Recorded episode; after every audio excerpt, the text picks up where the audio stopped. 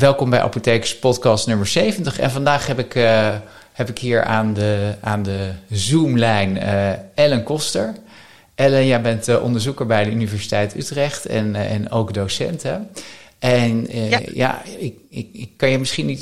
we gaan het vandaag hebben over, over eczeem bij kinderen. En met name dan de, de angst voor de hormoonzalven, waarvan ik weet dat ik dat niet meer mag gebruiken, dat woord. Maar, Hoop ik dat je dat na vandaag ook niet meer doet. nee. Um, en ja, maar jij, kan, je, kan je misschien kort iets vertellen over jezelf, uh, Ellen? Jij bent uh, als, als onderzoeker en ja. Ja, zeker. Ik uh, nou, werk al uh, een hele tijd aan de Universiteit Utrecht. momenteel als universitair hoofddocent bij farmacie. Deels als onderzoeker, wat jij al zei, en als docent op het gebied van praktijkonderzoek binnen de farmacie. En dat vind ik echt een hele mooie ja, combinatie eigenlijk ook van werkzaamheden. Uh, waarbij we ook uh, studenten, dus toekomstig apothekers, een stukje ja, mee proberen te geven binnen het onderwijs. Uh, ja, om toch ook heel erg te reflecteren op, op de kwaliteit van zorg vanuit de apotheek, de kwaliteit van handelen, goed het patiëntperspectief in kaart te brengen. En nou ja, dat is een stukje waar ik zelf ook onderzoek naar doe en allerlei promovendi in begeleid. En ja, wat jij al noemde, goed geneesmiddelgebruik bij kinderen, dat heeft wel mijn uh, bijzondere interesse. Dus ik vind het heel leuk om daar vandaag met jou over in gesprek te gaan ook. Ja, superleuk. Ja, dankjewel. En jij, jij, jij hebt, je hebt um, een, een, een, artikel geschreven in het Nederlands Tijdschrift voor Geneeskunde, onder andere, wat, wat mijn uh, aandacht uh, ja. Ja, trof over, over behandeling bij eczeem bij kinderen. En Klopt. dat begint eigenlijk met een casus van een jongen van, van acht jaar. Hè? En, en daar wordt eigenlijk onvoldoende, uh, door onvoldoende goed gebruik van de medicatie wordt eigenlijk dat eczeem helemaal niet goed behandeld. Hè? Kan je, kan je, ja, kan je er iets over, over vertellen wat, van, wat, van wat, wat is nou precies dat eczeem en, uh, en, ja, en wat, wat, zeker. Ja. Nou, het mooie van dat artikel waar jij aan uh, refereerde, ik ben natuurlijk zelf geen, uh, geen arts, maar dat heb ik samen met een uh, kinderarts, een huisarts en een dermatoloog geschreven. Mm -hmm. En ik denk dat, dat zo'n soort casus, dus echt zo'n hele jonge eczeempatiënt, iets is wat, wat zij regelmatig in de praktijk tegenkomen, nog helaas. een kind met, met ja, eigenlijk suboptimaal behandeld eczeem. En ehm, ja, wat is dat nou, dat eczeem? Ja, een chronische huidaandoening die zich toch hè, bij zo'n patiënt uh, uit met klachten als heel veel jeuk, uh, plekken op de huid, uh, schilfers, bultjes. En uh, ja, ook kan ook pijnlijk zijn. Dus dat heeft best wel veel uh, ja, impact ook op het dagelijks leven van die kinderen. En ik denk ook van de ouders. Hè. We hebben het hier echt veelal over hele jonge kinderen. Het uit, begint vaak echt uh, bij zuigelingen. Dus ook uh, slecht slapen van de kinderen. Maar ja, daardoor natuurlijk ook van de ouders. Ja, dus zeker. voor een, uh, een, ja, een gezin kan dat heel ontwrichtend zijn ook, denk ik. Ja, ja en je, dat, dat kan ik me goed voorstellen. Want het is al best wel zwaar als je kleine kinderen hebt. Dat weten wij allebei. En, ja, ja. ik inmiddels ja, en ook, ik denk ook zo'n behandeling inzetten. we hebben ook een aantal interviews gedaan met ouders van jonge kinderen. En die ook wel aangaven van ja, ik moet gewoon twee keer per dag uh, een kind wat dat eigenlijk niet wil, van top tot teen uh, insmeren. insmeren. En uh, ja, ik denk ook vanuit mijn eigen ervaring, ik heb geen kinderen met eczeem, maar wel kinderen. Dus ik kan me wel voorstellen dat dat gewoon af en toe best wel ingewikkeld kan zijn. Dus dat heeft veel, ja, veel impact. En daarnaast, daar ging het in dit artikel niet zozeer over, maar hebben we ook eerder focusgroepen met pubers met eczeem gedaan. Mm -hmm. En dan spelen er bijvoorbeeld weer hele andere dingen. Meer ook hè, schaamte. Dat je er op zo'n leeftijd toch ook niet anders uit wil zien. Dus ja. al met al denk ik dat ja, eczeem toch echt veel impact kan hebben op het leven van de patiënt. Maar dat het wat dat betreft niet zo'n ja, sexy aandoening is. Dus waar nog veel ja, winst ook te behalen is. En om ook gewoon samen met die betrokken zorgverleners goed te kijken van ja, wat kunnen we nou eigenlijk doen. Uh, om, om het ook voor de patiënt beter te maken. Ja, volgens mij bedoel je bedoel, bedoel te zeggen dat er eigenlijk voor qua therapieën niet zo heel veel nieuws meer onder de zon is.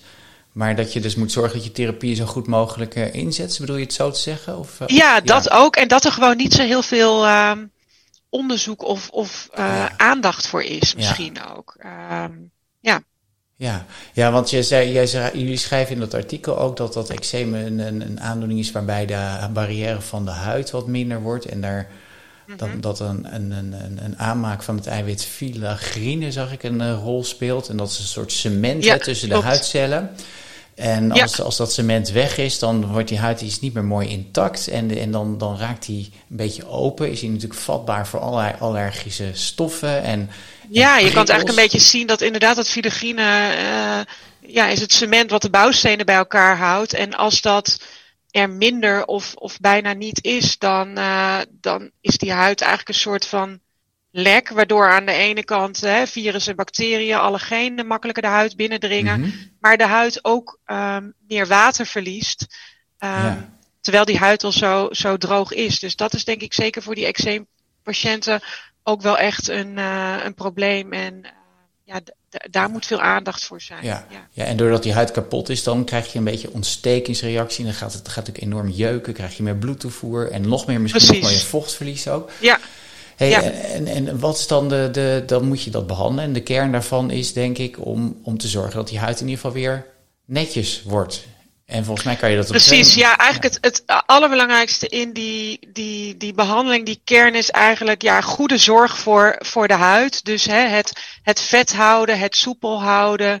Dus voldoende en goed smeren met ook de juiste indifferente middelen. Dus de ja. lanettencremes, de vaseline. Um, en dat ook regelmatig te doen. En ik denk dat daar ook nog heel veel winst te behalen is. Zeker vanuit de apotheek en het, uh, en het apotheekteam. Om mensen ook te adviseren. En ook soms dus uit te proberen van uh, ja, wat voor crème werkt nu prettig. Uh, wat smeert makkelijk. En dat, nou ja, we hebben het hier natuurlijk toch over kinderen. En omdat het zulke jonge kinderen zijn, natuurlijk met name ook de ouders.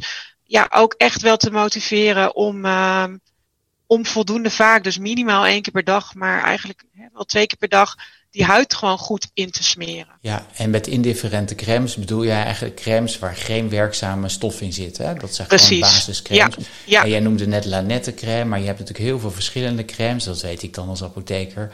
Precies. Hè? Die zijn, sommige zijn wat meer waterig en sommige zijn wat meer vet. Inderdaad. En met name hoe droger de huid, hoe vetter de, de, de crème of zalf moet zijn. Hè? Dus dat is heel belangrijk als je Lanette crème hebt, dat, is, dat bevat vrij veel water. En als dan de huid droog is, dan is dat niet uh, een goede crème om mee te behandelen. Maar dan moet je iets, iets met meer vet erin. Bijvoorbeeld uh, Lanette met 20% vaseline of zo. Dat is dan wat vetter.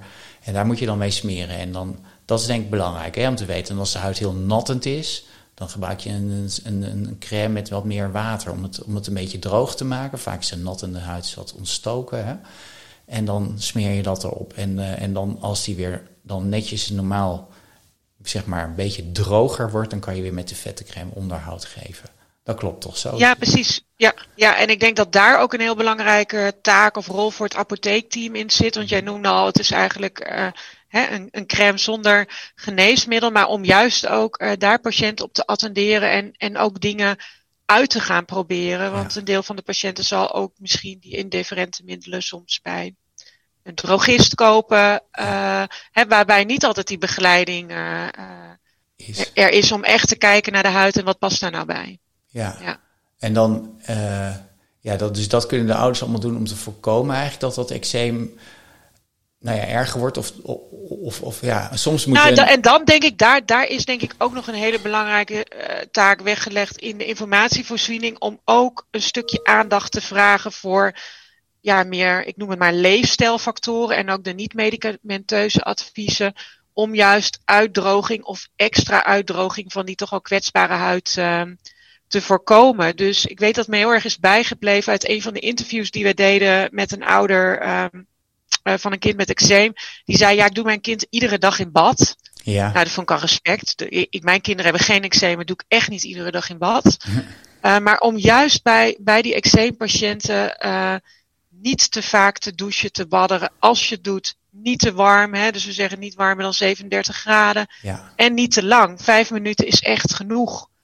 Ja. Um, daarbij ook hè, het, het gebruik van uh, zeep te beperken. Um, nadat, nadat zo'n kind in bad is geweest of gedoucht, uh, de huid weer goed, uh, goed in te smeren, in te vetten.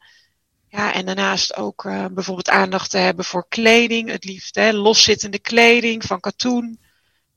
Um, ja, als er heel veel jeuk is, ook ervoor te zorgen dat, uh, dat de nagels kort geknipt worden, zodat je niet, met krabben hè, die huid nog weer eens extra um, open houdt. Dus dat zijn denk ik ook wel dingen die heel belangrijk zijn. Dat als je ziet dat zo'n kind al een hele gevoelige huid heeft, uh, dat die eczeemklachten er zijn om nou ja, aandacht te hebben voor die leefstijlfactoren en daarnaast toch ook ja, die huidverzorging. Um, uh, voldoende vet houden. En indien nodig, dus ook wel dat gebruik van die uh, topicale of lokale corticosteroïden op de huid. Ja. Tijdelijk. Ja, de, en daar komen we op, want dat is dat het beladen woord. Hè? Dat, is, dat zijn die, die, ja. die zogenaamde hormoonzalven, waar, waar iedereen dan zo bang ja. voor is.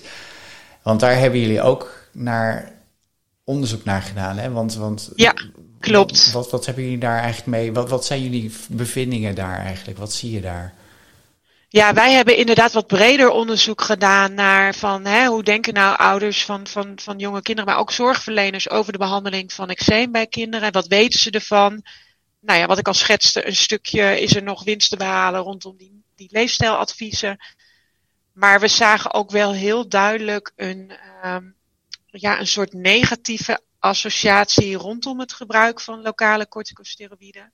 Ik mhm. vermijd het woord hormoonzalf ja. hier, omdat dat, dat, dat woord ook wel iets ja, negatiefs uit, uitlokt. Angst, van uh, associatie met nare bijwerkingen. Ja. Um, en dat noemden zowel ouders als ook een aantal apothekersassistenten die we interviewden. Van, nou, als er dan een ouder van, van bijvoorbeeld hè, de casus waar we het over hadden, zo'n zuigeling van acht maanden komt, dan zeg ik, oh, hormoonzalf, smeer maar dun. Mm -hmm. um, dus ja, dat is denk ik een woord om te voorkomen, omdat we eigenlijk ook uit studies inmiddels wel weten dat uh, ernstige bijwerking bij het gebruik van die uh, corticosteroïden lokaal op de huid eigenlijk heel zeldzaam zijn, dat er weinig tot geen systemische bijwerkingen zijn. En als er al bijwerkingen optreden, uh, dan zijn die meestal, of zijn die eigenlijk reversibel en dan zijn het dingen als jeuk, ehm, een branderig gevoel bij, uh, bij aanbrengen. Ja, maar geen, geen onderdrukking van de groei en zo, hè, waar, je, waar je vaak uh, van hoort dat mensen daar bang voor zijn. Ja, precies. Nou, nee, zeker niet. He, je brengt ze lokaal op de huid aan. Dus um, voor zover ik weet zijn daar heel weinig systemische ja. uh, bijwerkingen te verwachten. Maar de naam, ja, hormoonzalf heeft gewoon die negatieve associatie, ja. precies met wat jij noemt. Uh, ja, en die, en, en, die, en die zalven. Drukking in de groei. Ja, en van die zalven weet je wel dat ze ontzettend goed werken. Hè? Ze, ze, ze ja. doen het heel goed.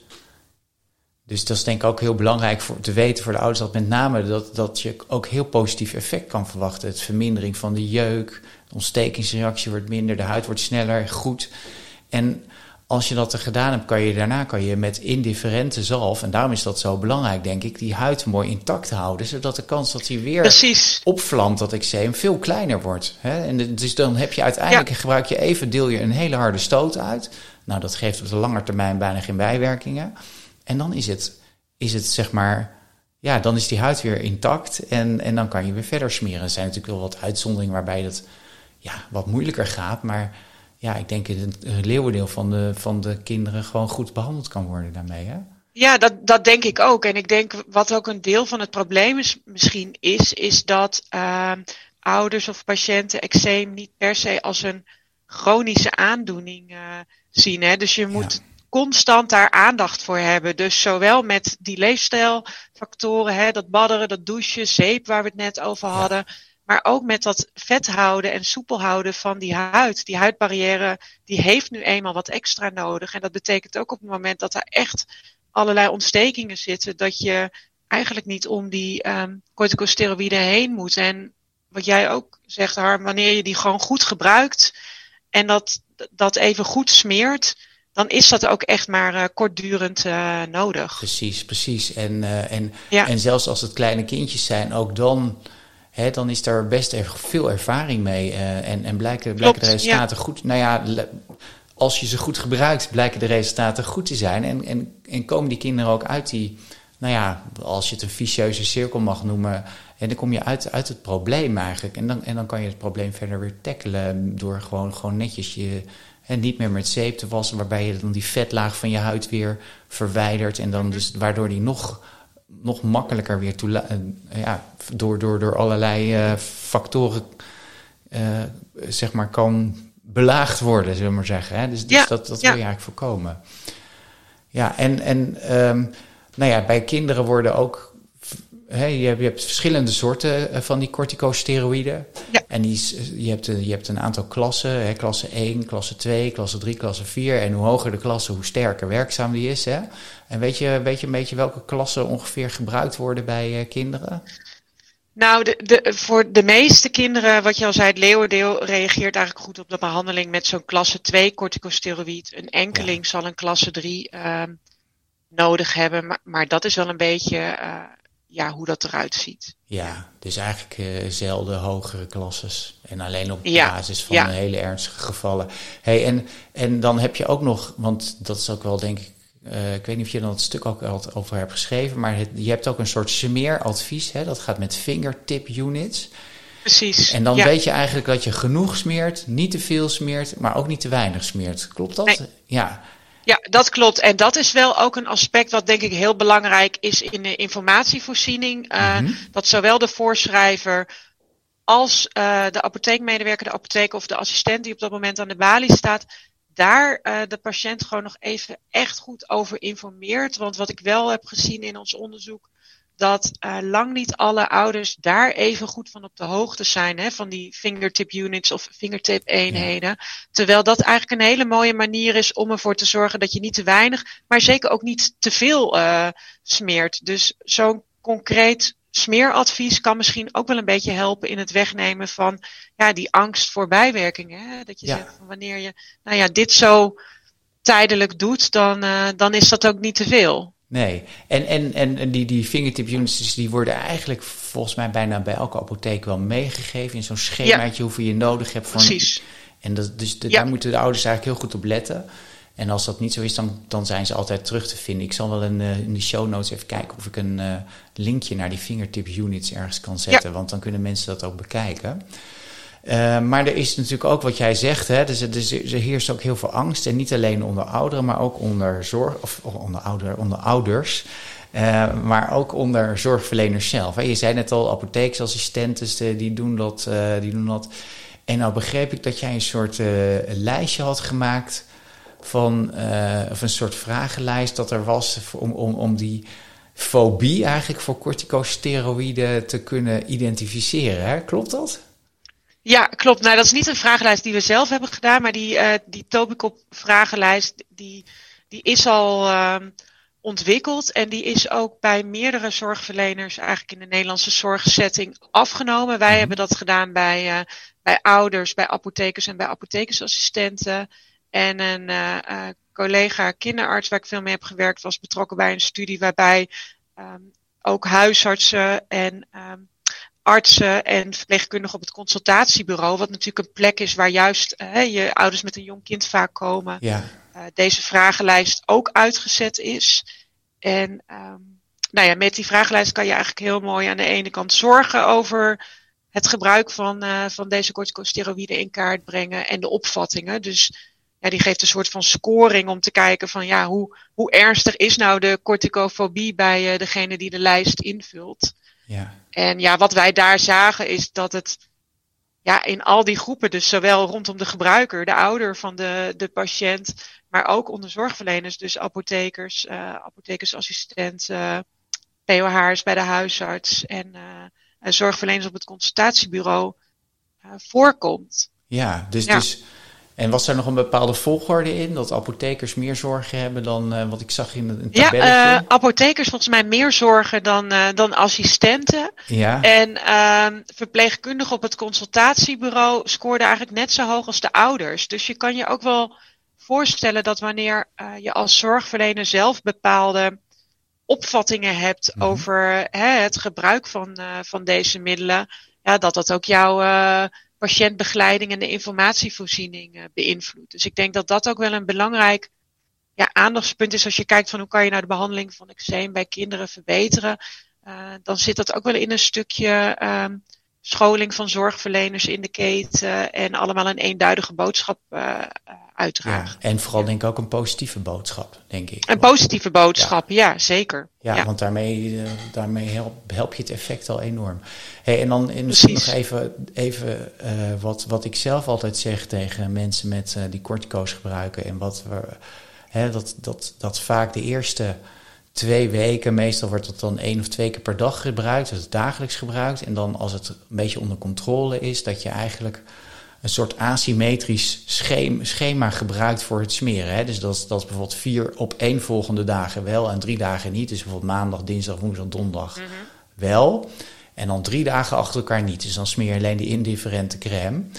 Um, en dat kan je dan langzaam ook afbouwen. Hè? Naar drie dagen wel, vier dagen niet, twee dagen wel, drie, uh, vijf dagen niet. Um, is, dat, is dat ook uh, iets waar, waar veel aandacht voor nodig is, denk je? Of, of, of is, dat, is dat onzin? Wat, wat uh... Je bedoelt ook de afbouw van dat soort middelen? Ja, nou, ik zit meer te denken van, ja, wat, wat ik weet is dat die, die, die, um, die cortico's gaan op een gegeven moment worden ook minder goed werkzaam als je ze dagelijks blijft smeren. Ja. En als je, ja. dus, als je dus vier dagen achter elkaar wel en drie dagen niet smeert, dan blijven ze veel beter werkzaam. Ja, precies. En met minder bijwerking. Dus het is denk ik ook belangrijk om dat nog te vertellen. Ik vertel dat zelf, probeer ik dat ook altijd te vertellen. Lukt niet altijd. Maar... Ja, en om, om ook uh, mensen gewoon inderdaad dan een, duidelijk mee te nemen in zo'n smeerschema. En, mm-hmm. en ook het idee daarachter, uh, daarachter uit te leggen. Ja, ja, want dat is denk ik heel belangrijk. Als mensen weten waarvoor ze iets doen. En, en, Precies, en, ja. en dat, ze, dat ze heel veel kunnen doen met zo'n indifferente crème is denk ik ook heel erg, uh, heel erg belangrijk. Ja, want... ik denk dat dat, dat dat een beetje de twee belangrijkste ja.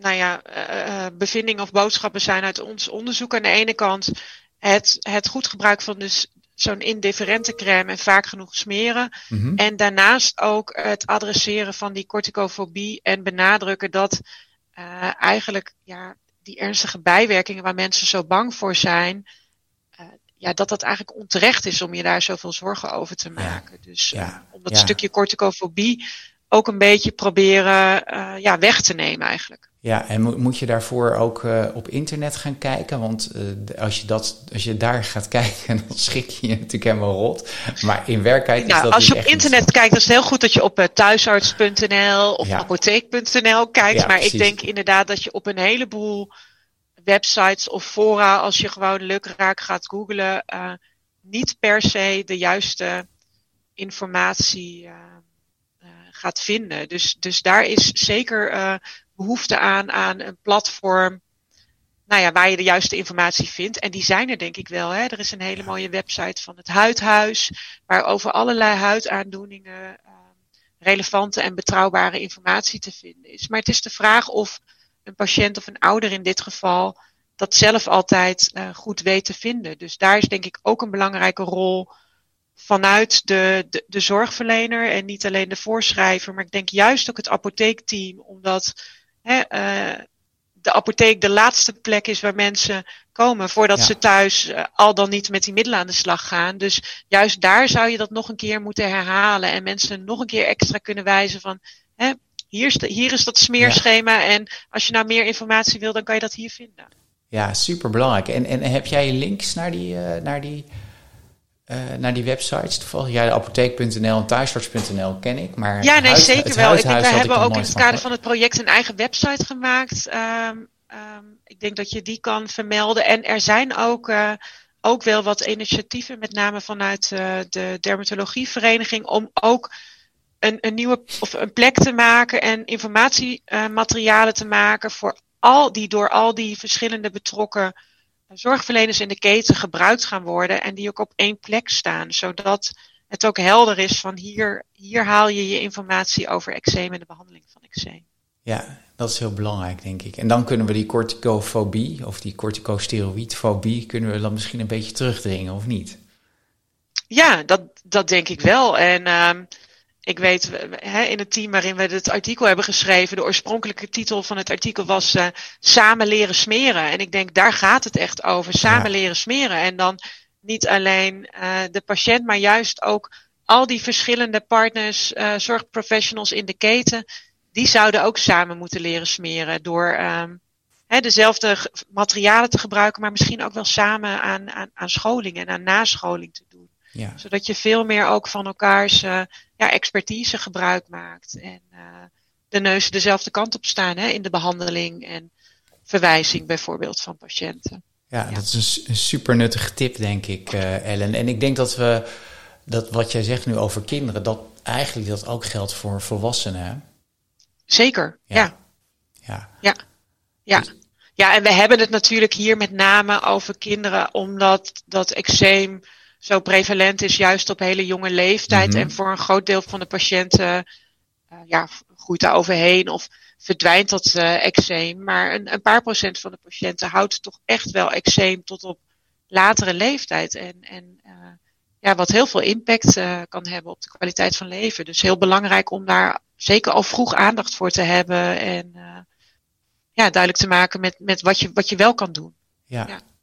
Nou, dankjewel. Je bent, je bent heel duidelijk geweest. Ik denk, zijn er, zijn er nog dingen die wij naar aanleiding van deze podcast nog moeten vermelden Wat ik, voor mensen? Nee, ja, nee. Volgens mij uh, heb ik ook het meest uh, waarvan ik zeg, nou ja, dat is belangrijk. Ik, ik denk ook vooral dat het heel belangrijk is om dit gewoon echt in de keten op te pakken. Dus om ook samen scholing te doen. Dus niet, niet alle apothekers samen in een klasje bij wijze van spreken. Maar doe dat nou samen met hè, de medewerker van het consultatiebureau, de huisarts. Um, zodat je ook regionaal afspraken kan maken over uh, ja, over hoe je dit doet. Dus eigenlijk is het samen leren smeren. Dat is eigenlijk denk ik een mooie samenvatting van ja. ja wat er zou moeten gebeuren om de, om de eczeemzorg voor kinderen te verbeteren. En het ruimt ook heel mooi. Het ruimt ook heel mooi, ja. Nou, hard. En het is nog geen 5 december. Dus. nee. nee, daar gaan we, daar gaan we de, de, deze podcast mee afsluiten, Ellen. Dankjewel. Samen leren smeren, heel belangrijk. Uh, dankjewel Ellen voor je, voor je medewerking. En hartstikke leuk dat je, dat je mee hebt gedaan. En tot ziens. Yes.